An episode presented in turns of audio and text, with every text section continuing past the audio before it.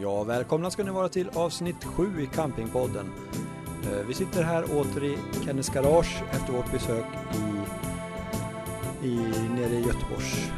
Eller var var vi någonstans? Vi var förra året.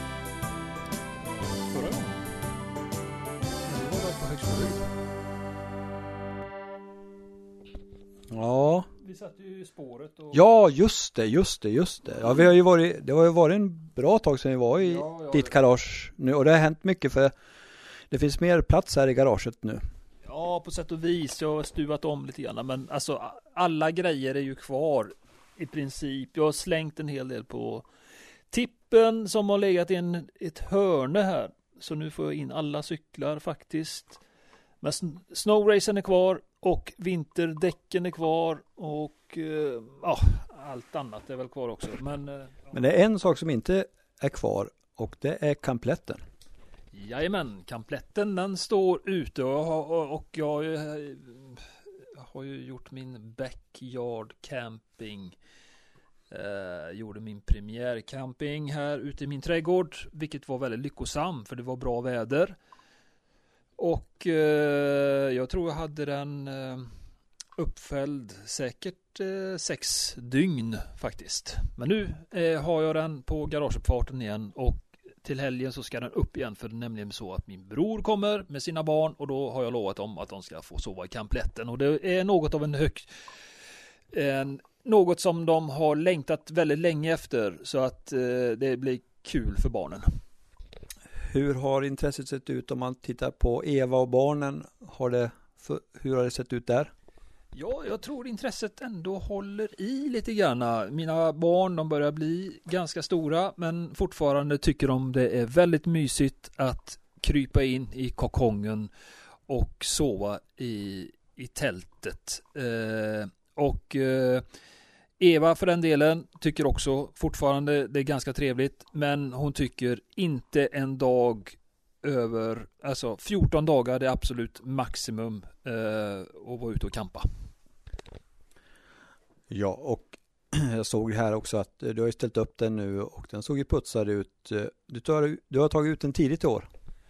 Ja, faktiskt. Eh, jag ville ha frigöra lite yta här i garaget, men också jag tycker det är fint att titta på min ögonsten när jag dricker mitt morgonkaffe. Då ser jag min kamplett. Den står där precis utanför vardagsrumsfönstret. Och den, som du såg så hade den en jättefin glans i, i den här eh, nu ska jag se vad det är för material i vår kamplett. Det är glasfiber. Eh, och det är någon form av plast som är väldigt fin i glansen och jag tyckte också att du var lite imponerad över mina sådana här souvenir eh, klistermärken som, jag hade, som, som jag hade på sidan på kampletten. Ja, och det är ju någonting som jag vet eh, kan vara just att köpa sådana här klistermärken för att sådana här klistermärken man köper som kampare, de, eh, det är ju inga billiga saker. Nej, men jag tycker man ska unna sig och eh, faktiskt göra den typen av investering för det är väldigt roligt och väcker en del minnen. Som du såg så hade jag Malung. Eh, jag har också varit nere i Skåne, jag hade en Skåne eh, klistermärke och dessutom hade jag varit nere i Ystad och i Smygehuk faktiskt har jag ett märke. Men jag har också fler märken som jag inte fått upp på kampletten redan. Jag var ju som sagt i Östergötland förra året och eh, jag har några märken ifrån Motala där vet jag också. Så att alla är inte uppe än på kampletten. Men tanken är att alla ska upp. Det som är så roligt med de här klistermärkena som man köper när man är just på sådana här turistställen runt omkring, inte bara i Sverige utan i Europa, det är ju det att de är ju väldigt pråliga de här. De glänser och eh, gnistrar om de här klistermärkena. Det här är ju nästan hantverk och det är ju lite roligt för du är ju i, som, i allmänhet eller så ditt eh, grund, grundhållning till prålighet är ju att du vill ju inte ha det är väldigt lite som eh, är pråligt. Men just när det gäller de här klistermärkena, där har du Eh, absolut, och då tar jag gärna några med lite silver, lite glans och eh, lite påkostade klistermärken sådär. Eh, ja, det är ganska trevligt tycker jag. Men vi var inne på det, du tog ut kampletten här och det var ju för att du ville få ordning i garaget och då kommer vi in lite grann på någonting som jag funderar lite grann på i veckan och det handlar ju om effektivitet. Och då skulle vi kunna börja där kring det. Och eh, du gick ju in här och du gjorde några reportage om du, hade, du gick in med en väldigt geist in i det här projektet att ta tag i garaget. Men vad är det som händer där? För eh, om man tittar här nu så är det ju Det har ju egentligen bara hänt att du har tagit ut kampletten Men du hade ju någon tanke om att sortera upp, ta tag i alltihop. Och jag vet att du inte var riktigt nöjd efteråt. Det var mycket tankar, du beskrev ju det här på Instagram också. Ja, eh, till slut så det, man behöver nästan en veckas semester alltså för att systematisera och sortera och vad, vilka högar ska slängas, eh, körschema till tippen och så vidare. Så, så att visst, det blir ju på en dag så löser man inte detta utan jag fick ut kampletten, jag var nöjd så långt och sen så blev det ju ganska bra för jag hade en hög faktiskt som jag som jag hade tidigare i garaget som jag sedan flyttade ut på garageuppfarten täckt med en presenning och det låg den högen en månad. Eh, och det, det, mina barn blev väldigt besvärade av att våran tomt var så förfulad över skräp som låg där. Så att då fick jag ta tag i det och då hyrde jag en kärra och så åkte jag och slängde rubbet. Men i garaget blev det ingen större förändring, det håller jag med om. Jag har mest förflyttat runt faktiskt eh, sakerna här så att och det är tråkigt att det blev så. Men eh, ja. Men det är bra att du säger jag här för att eh, i början så sa du ju man och det blir lite allmängiltigt att det är så att alla behöver en veckas semester. Men det är ju många som kan sortera upp ett sånt där garage på ett par timmar bara. Och då undrar jag, vad är det som, för du har ju en väldig, om man tittar i din ledarroll och hur du driver de här projekten vi har och de här verksamheterna i alla år eller i de här sociala sammanhangen så så får man ju intrycket av att du är en person som gillar ordning och reda och struktur. Men då det här är ju alltså Kenneth, skalet. Men när du kommer in här, vad är det som händer då? För då tappar du det här på något sätt. För du får ju inte, du har ju nästan inte gjort någonting på en hel dag. Och det, då kommer väl ut, jag vet att du pratade om personlighetstyper också. Att det finns vissa personlighetstyper som har en effektivitet. Eh, som, eh, som är liksom eh, de, det finns grundmurat i dem. Det, det, det, finns liksom, det är djupt förankrat i deras personlighet att de är effektiva. Så. Eh, där är nog inte jag, utan jag får lära mig att vara effektiv. Och de tycker oftast de oeffektiva är slarvpellar och eh, det, det kan ju skapas irritation också. Om man har en effektiv person och en oeffektiv person till exempel. Jag tror att det är dåligt, dålig kombo. Då är man omaka. Eh, som tur är, är Eva, min hustru, hon är också, hon är också en riktig soffpotatis och har en extrem oordning på något sätt. Så att eh, vi, där är vi lika då va. Och jag tror också då eh, att vi har lite högre tolerans. Men när man är irriterad på varandra så är det väldigt lätt att liksom ta till det. Fy fasen vad vi har stökigt. Nu måste det bli ordning och reda. Alltså, det är väldigt, man projicerar ens egna oreda på den yttre oredan. Man vill ha städat där. Fast det är en, det är en stress man har. Man är egentligen besviken på sig själv. Ja. Men då fungerar hjärnan så. Man tar ut det på prylarna man har runt omkring sig då istället. Ja. När man egentligen är väldigt missnöjd, man, man, man vet innerst inne alla de tillkortakommanden man har, de brister och de, eh, de funktioner som inte fungerar eh, så, vill, så, så blir det så att då tar man ut det på något sätt då och då tar man ut det på att, en frustration att det är ostädat till exempel. Ja, då lägger man bara ut det rakt ut i, och man, det kan komma en, Ja, Det kan komma som en blixt från klar himmel. Att och det plötsligt- drabbar alla. Ja, helt plötsligt är man inte nöjd med någonting. Men man är nöjd med sig själv för att man säger, här slarvigt, varför är det inte städat? Varför har ni lagt det här här? Men Det, det kan till och med vara så att man är tvungen att åka och köpa en ny soffa för att man är så jävla missnöjd eh, på sig själv och, och sina tankar. Va? Så att det är ju sällan en. Det krävs oftast fler för att dansa ringdans. Och det glömmer man. ja. Ja, det är det. Nu fattar jag inte dina. Två, det- är ju så här att oftast är det ju två, om det är två som träter så är det oftast lite bådas fel. Ja, så är det väl va? Och är man fler då, Det är inte ens fel när två träter, så brukar man säga va? För nu blir det mer som att din familj dansar runt midsommarstången eftersom det snart är midsommar och Ja. du sitter och spelar dragspel. Men egentligen så krävs det att om ska ni nå, runt hela midsommarstången så måste ni hålla varandra i händerna och gå i takt åt samma håll. Ja, det stämmer. Alltså någonstans måste man ju följa spelmannen. Så följ, följ, följer man inte spelmannen, ja vad händer då? Eh, Då blir han ju frustrerad. Kanske spelar fel på något takt, vad vet jag. Och då blir det ju ja, haveri. Men för mig är det mer att eh, när, det är, när, när det är små grejer överallt, precis överallt i hela hu- huset Ja. till exempel, Ja. då blir jag helt paralyserad och, kan, och sen ska jag, så tror jag i min hjärna att jag kan bara kasta alltihop. Sen kommer jag närmare de här, det är ungefär som att man betraktar någonting från långt håll, då är allting så lättlöst. Mm.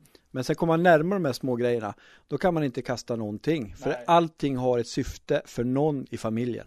Exakt. Ett värde och den delen hör ihop med någon annan del som absolut inte går att kasta.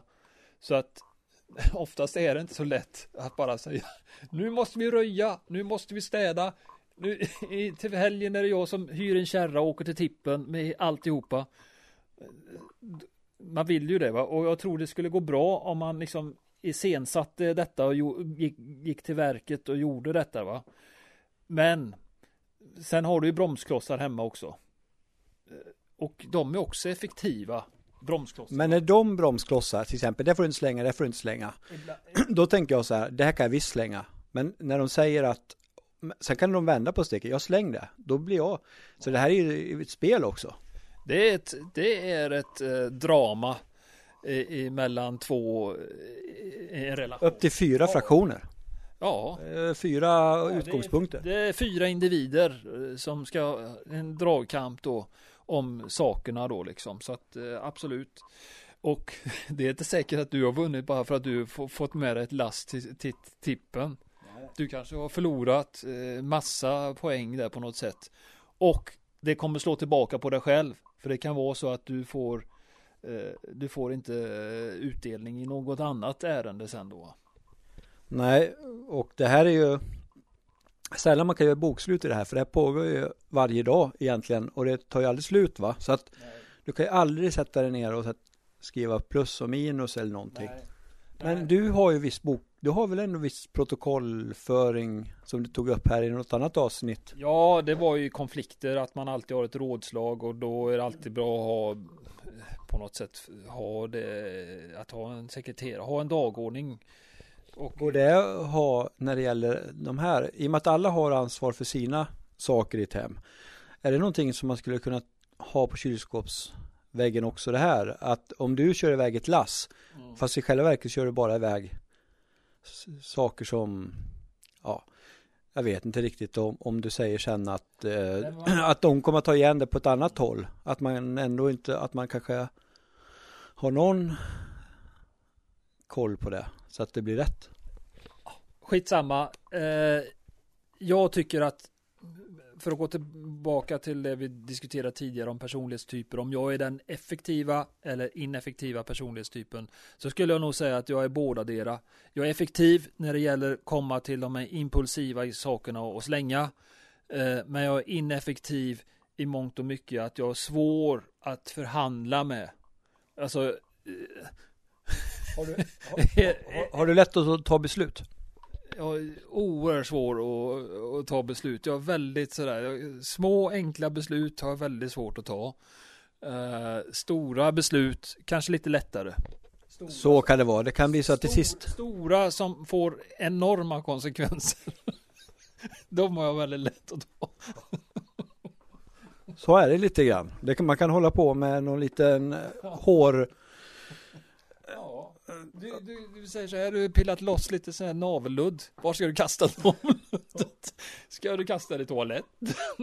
du kastar det i papperskorgen bredvid eller ska du till någon annan? Det finns ju mängder med sådana exempel. Det är textil vet du. Så att det är ju någonting som, eh, som, som egentligen skulle kunna eh, kastas i komposten vet du. Ja. Sen, sen är det ju så här också effektiv, ja visst det kan vara svårt när det ligger kanske upp till tusen olika småsaker runt omkring som, och alla lådor egentligen inte heller är så, ja. Men om du till exempel säger så här, kan du göra det här med högtryckstvätten? Kan du tvätta bilen eller kan du Du pratar väldigt mycket om din högtryckstvätt. Jag fattar inte, det måste vara en sak som du aldrig skulle kunna slänga. Nej, jag tvättar hela huset med den idag. Men, du vet, Men då Du vet väl att högtryckstvätt det kan vara direkt farligt för det du tvättar. Det kan vara så högt tryck så att det går in i trät till exempel på din fasad. Ja, jag tvättar plåt, plåtar. Ja, ja, det kanske kan vara bra då. Men eh, bilen, det är också så. Du, du kan vara liksom fara för lacken. Du får ett visst avstånd med den där. Du, jag tvättar på sån här. Du ska absolut inte tvätta cyklar med för då kan du krypa in i liksom i lager och, och sånt där. Så att högtryck, många tror att det det låter och dånar och det är högt tryck. Och det blir rent. det blir rent. Det blir om du tar skillnaden, ta skillnaden på den vanliga ytan och så kör du med högtryckstvätten. Och kolla den skillnaden. Blir det verkligen så en stor skillnad då? Ja, det blir som samma skillnad som om du inte har klippt gräset på hela sommaren. det är ju rena tv-shop alltså. Jag får utvärdera det där också. Men jag menar det är att Körde du det på trallen också hemma eller? Får jag riktiga tydliga instruktioner och överkomligt arbete då är jag extremt effektiv. Då håller jag på ända till eh, ja, det är klart. Jo, men jag tycker också det är roligt med maskiner faktiskt. Såg du inte på den där filmen jag körde med trimmern? Jo. Det såg du. Det är också väldigt effektivt. Eh, man ser direkt resultat. Det som kostar energi, som det som kostar energi, det är när man behöver fatta beslut. Mm. Själva kroppsarbetet, när jag har tydliga instruktioner, mm. då ska jag säga att då är jag ganska effektiv. Men det är också så att fatta ett beslut, det är ju liksom, då blir man ju av med ångesten på något sätt. Hopp. När man väl har fattat beslutet. Fattat. Om du har fattat beslut om dina egna saker, ja. ja. Men om du fattar beslut över någon annans saker och inte blandar in dem. Ja, i och för sig mycket enklare att fatta beslut om andra saker än mina egna. Jo, jo, men då vet du att den andra kan ändå stoppa det beslutet. Ja, jo, det har du rätt i. Men alltså släng, alltså jag har väldigt svårt att slänga grejer. Ja, det är samma här. Men sen kan det vara så som jag gjorde förr, då sparade jag allting. Men sen flyttade jag hastigt och lustigt och då men vi ska väl lämna det lite grann. Det, är, det är svårt att säga någonting på rak arm. Vissa människor bara, vissa eh, får mycket mer gjort. Jag vet inte om det beror på att de har ex, eh, speciella vitaminer i sin kropp ja, eller vad det är. De har någon, alltså de har någon motor. De, de skulle aldrig tillåta sig att gå in i något sånt där eh, kontemplativt eh, liksom. Vissa tar hon, de här vi följer på Instagram, de, de lägger ut när de jobbar stenhårt och så lägger de ut när de kopplar av. Och allting ser ju helt eh, perfekt alltså, upplagt alltså, ut. Jag fattar inte, alltså en del, en, en del personer de, de kan liksom inte ta det lugnt och vända tanken inåt utan de måste driva saker driva saker hela tiden. De, de, blir, de är aldrig självkritiska den effektiva personlighetstypen. Det går ju inte. Det är ju väldigt bra att Sara inte heller är effektiv. För då blir det ändå så att att det blir inte Men hon, hon, eh, hon tjatar inte på dig att saker och ting ska göras och sånt där va? Nej, men hon tjatar ju på saker och ting som jag ska göra. Jag tjatar massa saker på, som jag tycker hon ska göra. Så det, och då, alltid som man säger, varför har du gjort det här och det här? Eller varför har du inte gjort då det här? Kontrar då kontrar hon med varför inte du gjort det? Och så ja. blir det helt, ja. re, vad heter det i schack? Remi? Eller vad heter det? Ja, precis. Det blir någon form av, jag kan inte schack, men. Nej. Men när det går jämnt upp. Menar, det blir jämnt upp och det, ni, ni står och kommer ingen vart. Men men, vi ska gå vidare i programmet här. Ja, precis. Eh, ni som har hängt med på vår Instagram eh, Instagramflödet här så vet ni alla att Janne har varit i Spanien. Och då är min fråga till dig Janne. Är spanjorerna bra på att campa? Spanjorerna har jag ingen riktig koll på faktiskt. Ska jag säga. Argentinarna är riktigt bra campare. I Argentina finns det bra campingar. Men är inte eh, argentinare spanjorer i, från början? Jo, det är spanjorer i början. Och det är väl så här att spanjorerna, har, spanjorerna är i grund och botten campare. Men det är, det är svårt att campa i Spanien. Jag tror... Om det, om, för de har ju semester, då är det st- ja. De har ju inte det här klimatet, riktigt bra campingklimatet egentligen. Nej, det, det är väl för varmt tror jag. Eh, sen tror jag att spanjorerna, de traditionell camping är inget för dem. Jag tror det är mer att de, de campar mer eh, ute. Vad är det vi säger när de är ute och campar i vilda marken? Det finns en term för det. Free camping. Free camping. De är free-campare. Och jag tror just i den sp spanska höglandet eh, i trakterna kring Madrid. Där uppe i bergen eh, är det mycket spanjorer som campar. Ja, jag tror uppe i Pyrenéerna där och upp mot San Sebastiano där. Ja, där. Där har du ju mer normalt campingklimat när du har lite regn och lite sol och Ja. lite så här. Madrid, det ligger ju liksom mitt, rakt under solen i Det princip. kanske är så. Jag, jag fick för mig att det låg ändå på en bergsklack eh, sådär. Så det är ganska högt över eh, vatten, havsytan då. Men det som är med Spanien, det är att de har ju de här eh, solkusten. Ja, och Solkusten har, eh, har ju inga campingplatser vad jag förstår, utan det är mest hotellkomplex och lägenhets, lägenheter som, som finns där. Och handen på hjärtat, det blir för varmt. Det blir för varmt. Eh. Man kan säga så här, argentinarna, alltså de gamla spanjorerna, de campar med tält och de har alltid med sig grillar. Och du vet, en campingplats i Argentina, där grillas oxfilé vid varenda tält. Mm. Ja, För de har ju extremt stor nötindustri där. ja, Alla älskar kött och alla har här baguetter de stoppar in köttet i. ja, Det är en speciell matkultur. Men spanjorerna, de campar på stranden. För där har de med sig precis alla campingtillbehör fast de har ett parasoll istället för en, eh, ett tält. Ja, de använder tältet som ett skydd mer för, för solen snarare än skydd för annat väder. Som vi i Norden, vi, vi skyddar oss mot regn många gånger när vi sover i tält. Va? Men i Spanien, där är värmen och hettan så, så stark och den är direkt livsfarlig om man, om man ska exponeras för, för den solen. Så att därför har man ett parasoll eller ett tält som man har rest på stranden som man kan ligga, ligga under då. Ja. Och det visar ju grann hur brett camping är. Det är ju inte bara att åka runt med husvagn på de här campingställena i Sverige utan det kan vara man har med sig sina man, har, man, man bär ner väska efter väska efter väska på stranden i Spanien till exempel. I Argentina har man tält. I Sverige har man husvagn.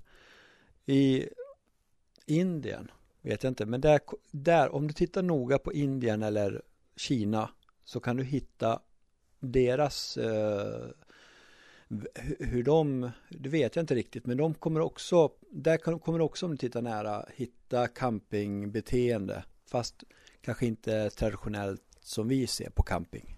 De kanske har en väska med sig och kanske någonting.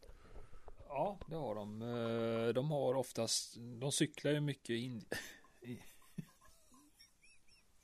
Ja, det, det är sant och de har ju väldigt fina cyklar. Det har, jag, jag har nästan tänkt att köpa en cykel från Indien. De, de är så en, enormt stabila järncyklar liksom. De, har ni sett på dem? Stora handbromsar och liksom stora packutrymmen eh, som man kan liksom lasta det bak på pakethållaren. Så att det, det tror jag, de cykelsemestrar mycket. Och de åker tåg, det kommer jag ihåg på 80-talet. När jag satt hemma och tittade på tvn. Då åkte de i tåg och det var ju massor med folk på de här tågen.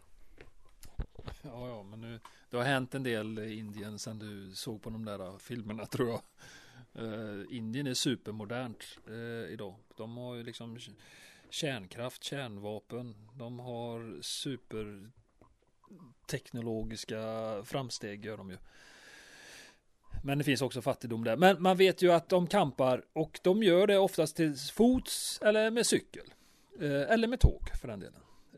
så. Men jag fattar inte varför vi kom, kom halka in på Indien. Ja, det var ju mer det att man kan titta på olika uh, världsdelar ja. och, och den gemensamma nämnaren det är ju det här människans behov av att fri, kom, få, få den här friheten. Men det kanske inte alltid är liksom att man måste dra runt på en stor kabelhusvagn utan Nej. i Indien kanske man cyklar och, mm. och som vi sa Spanien, Argentina. Jag vet inte om du har några fler exempel? Nej. Ja, vi har många exempel, som, men vi har också många, fram, många program som ska sändas framgent. Så vi, vi kan inte bränna allt krut här på, sjun, på sjun, sjunde, sjunde avsnittet. Men camping och livet ligger nära ja, varandra. Det gör det verkligen, det går hand i hand. Men nu, jag, jag, tänker så här också, vi har pratat en hel del om effektivitet, personlighetstyper och Spanien, eh, deras eh, deras sätt att kampa på och det är ju också så att vi är inne i juni månad nu Janne. Det går ju så otroligt fort. Att, eh, och sen har vi nästan bestämt att vi ska fira midsommar ihop och det Nästan, vi, ja, ja 80 procent Nej, nej, men det är 100 procent. Ja, ja. Eh, jag ska bara ta programmet med Eva här sen också ikväll. Eh, och då väckte jag den här frågan. Eh, nykter till midsommar. Ska vi inte vara det? Nykter på midsommar och så finns det några fördelar med att vara nykter på midsommar. Och fördelar, det finns ju många fördelar med att vara nykter. Till exempel att man har alla, du har inga sinnen som blir avtrubbade utan du är ju hela tiden alert. Ja, precis. Eh, du är förmodligen engagerad i, i de här eh, spelen som vi kommer att göra på ett helt annat sätt. Jag vet när man är lite på lyset och är lite eh, slö i, i tanken att man inte alls är lika engagerad utan man man vill gärna liksom skynda på spelet och ja, sådär. Det är inte så noga.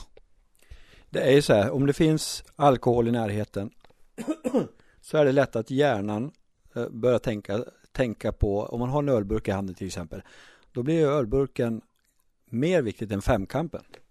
Exakt, och så har man en ölburk i handen, ja då, då tänker hjärnan att ja, den här ska man dricka ur, även fast ölburken, den kan ha varit i handen väldigt länge, den kunde varit avslagen, det är bara en liten slatt på eh, i, i botten på ölburken, men du måste ändå dricka upp det. Det är inte alltid gott heller. Har du tänkt på det? Nej, nej, nej det är långt ifrån gott och speciellt i stresssituationer med andra människor så sma du smakar ju aldrig på alkoholen och ölet på riktigt. Utan ska du dricka öl då ska du ju helst göra det i din, i, i din ensamhet. I ett fint glas, eh, ett fint ölglas, men inte, inte i någon stressig samvaro med andra. Det, det, då kan man lika gärna vara nykter tycker jag.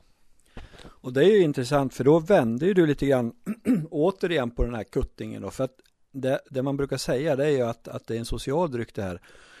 Men enligt din teori så vänder du på det här att det är en osocial dryck, att den egentligen ska drickas ensam då? Absolut. Eh, jag tycker vi ska döda den myten att alkohol är en social eh, dryck. Eh, absolut inte skulle jag vilja säga. Alltså alkohol ska, det är direkt olämpligt att dricka med, med andra människor. För dels, eh, jag vet bara hur jag själv fungerar. Eh, om jag är ganska tråkig annars, då blir jag ännu tråkigare med alkohol. Jag har ingenting att säga. Ingen, ingen berättelse överhuvudtaget. Eh, när jag har fått i mig lite granna. Eh, och sen så är det ju inte gott. Du smakar ju aldrig på alkohol. Du känner ju aldrig av ruset. Du liksom det, det, upplever du bara i din ensamhet om du tittar på tv till exempel själv tar ett glas öl och en smörgås då då är alkoholen något som är väldigt bra. Rutger är inne på någonting här att, att det beror lite grann på vilken mängd man har. Men jag menar ju det att börjas det liksom sölas med den där ölen. Då blir det lätt mängder. För du, du tänker inte på för att det, det, det finns där hela tiden va. Du behöver inte dricka de mängderna. Nej, och det är därför man, eh, det vi har gjort i den här planeringen nu inför midsommar, det är ju att stryka alkoholen. Ja. Det blir ingen alkohol midsommar. Så att nu testar vi det. Och jag kan lova dig, det kommer bli din bästa midsommarafton. Och midsommardag. Och midsommardag naturligtvis. Då kan man ju lägga energin på att göra en riktig femkamp. Till exempel att man lägger ner lite energi på det, att man kastar pil och mm. då alla liksom uppmärksammar, ingen liksom alla står och pratar överallt utan då kan jag mm. jag, funderar, jag, jag skulle kunna gå ännu längre i det här. Att eh, bli nykter resten av året. Mm. Och, och, och, testa det alltså. Ja. Det skulle kunna gå så långt. Det, det, är svårt för det är väldigt gott den här ensam. Jag tror att du har lite kortare resa än vad jag har. När det gäller det. ja, jag dricker inte. Jag dricker ju oftast bara en öl kanske eller två max. När det väl ska drickas alkohol förvisso. Men det känns också rätt onödigt att dricka bara en eller två öl. Men som vi fick en fråga här som vi kommer att, vi kommer besvara frågorna sen i, i och med att vi spelar in en podd just nu. Men det var någon här som inte riktigt hade kläm på vilka vi var som undrade om vi kunde träffas. Så då ha, har vi ju så att vi kommer att ha träffar på Golden Days nere på stan. Mm. Och det är ju någonting vi har lagt lite åt sidan nu men vi kommer att ta upp det. Att, och då är frågan, ska vi dricka öl på Ja, alltså det är ju så himla eh, konstigt om man inte dricker öl på Golden Days då. De har faktiskt ganska bra öl i de här uh, kranarna där också. Uh, så, så att ja, nej, jag skiter i. Jag dricker öl vid vissa tillfällen då. då. Vi kan göra så här att vi be behöver inte bli helt, eh, men midsommar blir alkoholfri och eh, i övrigt också så ska vi eh, våga, eller inte våga säger man väl, men utan och sen, men på Golden Days när, när vi kommer ha de här träffarna med folk då, alla, vi kommer bjuda in alla och då kan vi unna oss en öl. Och de har ju spaten där. Ja, de har spat. De har även vet jag inte om jag uttalar rätt. Urgurell, heter det så? Urkurell. Ja, de har både tjeckisk och tysk öl. Då. Ja, tjeckisk och tysk öl har de. Och amerikansk öl. De har den här Sierra Nevada, den är jag väldigt förtjust i, en IPA. Eh, på kran. Eh, ja, de har, och så även svenska ölsorter också. Nu gör vi reklam för dem, men eh, vi tycker väl den är rätt trevlig den restaurangen ändå. Ja.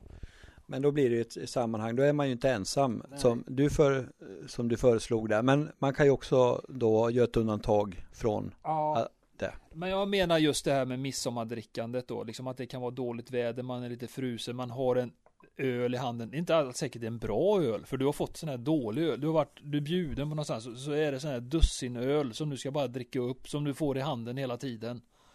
Och handen på hjärtat. Är det gott? När du står där lite frusen och står och tittar på något. Eh, någon som spelar krocket eller någonting på någon annan liksom. Krocket? Är, är du så, är, mår du bra då? Nej men nu sa du ju någonting. Krocket. Det är ju väldigt trevligt. Och det är ju, har ju med in, det kommer ju från Indien där. Ja, ja du tänker på polo va?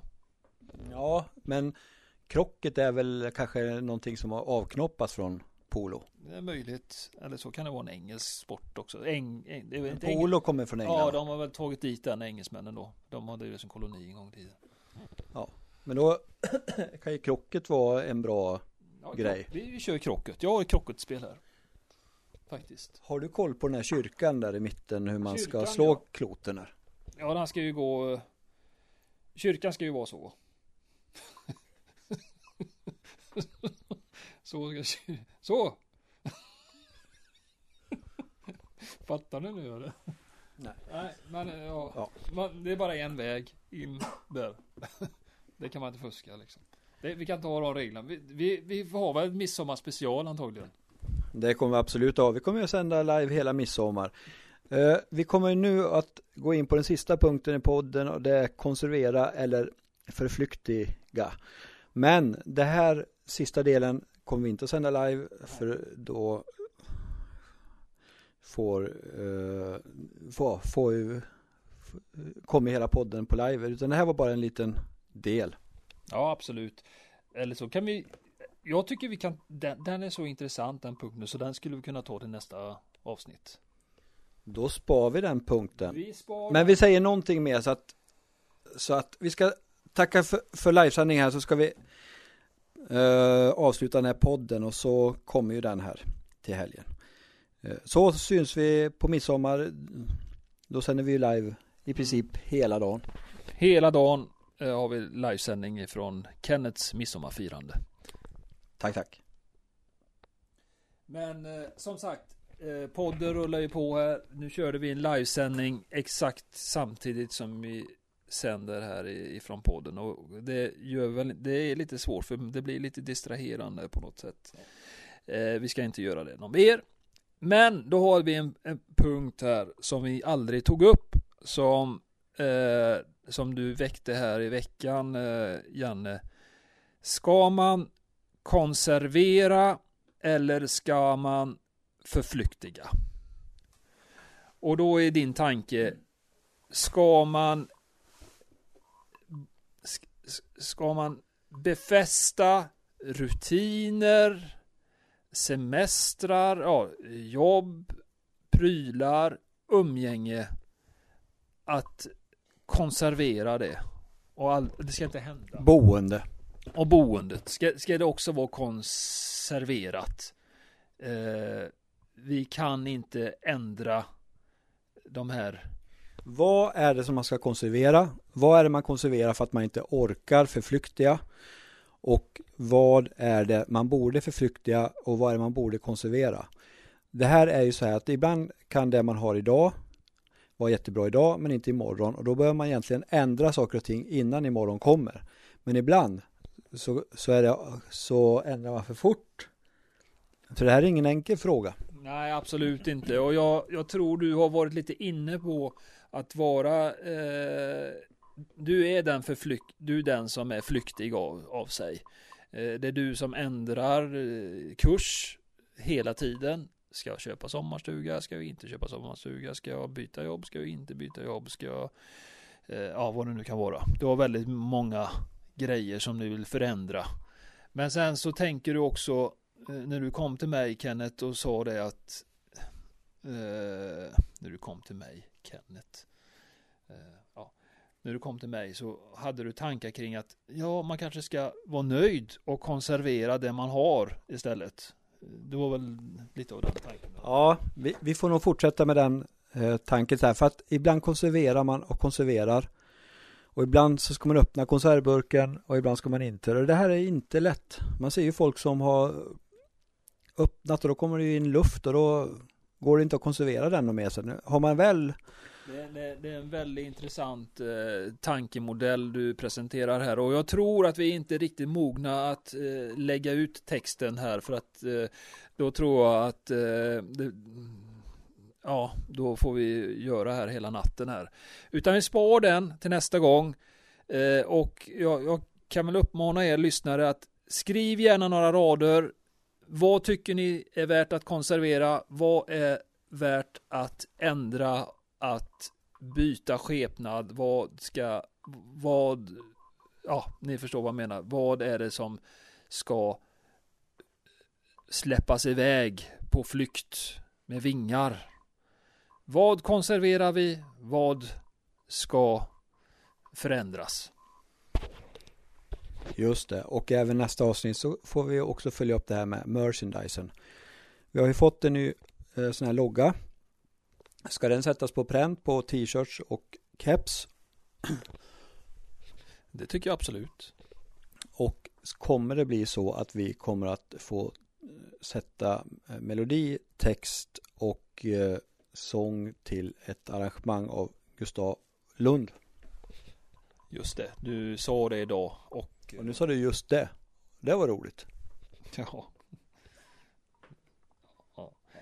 Vi får låta de här bitarna hänga i luften. Får tänka på det att jag har ju en kollega här som är faktiskt född på 90-talet som sa att han skulle ratta in våran podd. Eh, och då sa jag just det att ja, men vi har fått fått en eh, ny logotyp och det är faktiskt inte, eh, inte mindre än Gustav Lund ifrån just det som har gjort den. Han är född 1990 den här kollegan då. Eh, vem är det? Han visste inte, jag tänkte liksom Ja. Men så kom jag på det, han är 20 år yngre än mig. Ja, ja. Men har man gjort många klassiker som spelas på jular, som Ja, spelas överallt. Det, det kan vara så, om jag drar de här låtarna då kanske det med han Och sen kan det vara, sen är det mycket som folk inte vet, till exempel att han gör massor med filmmusik, filmroller, teatermusik. han grym. Men, Det, det, ja, ja, men han, han jobbar ju mycket bakom kameran också så att säga. Så att, eh, han verkar inte vara någon heller som vill vara i rampljuset till varje pris heller. Det var ju nästan tvärtom. nej. Och det är väl det som Det tog de ju upp i en podd där senast också. Ja, och det var just därför vi tycker att, vi håller honom så högt som vi gör. Att han vi har Integritet. integritet. Vi har, hyser alla sympatier för Gustav. Då så. Då är det dags att runda av den här avsnitt nummer sju. Ja, tack ska du ha. Fast vi hade ett litet program idag så tycker jag inte vi höll strukturen till hundra. Men vi får ju inte hänga upp allting på den här podden heller utan den lägger vi bara ut. Den lägger vi ut och nu har vi avslutat avsnitt sju. Tack. Då får du tacka för oss. Tack. Hej hej.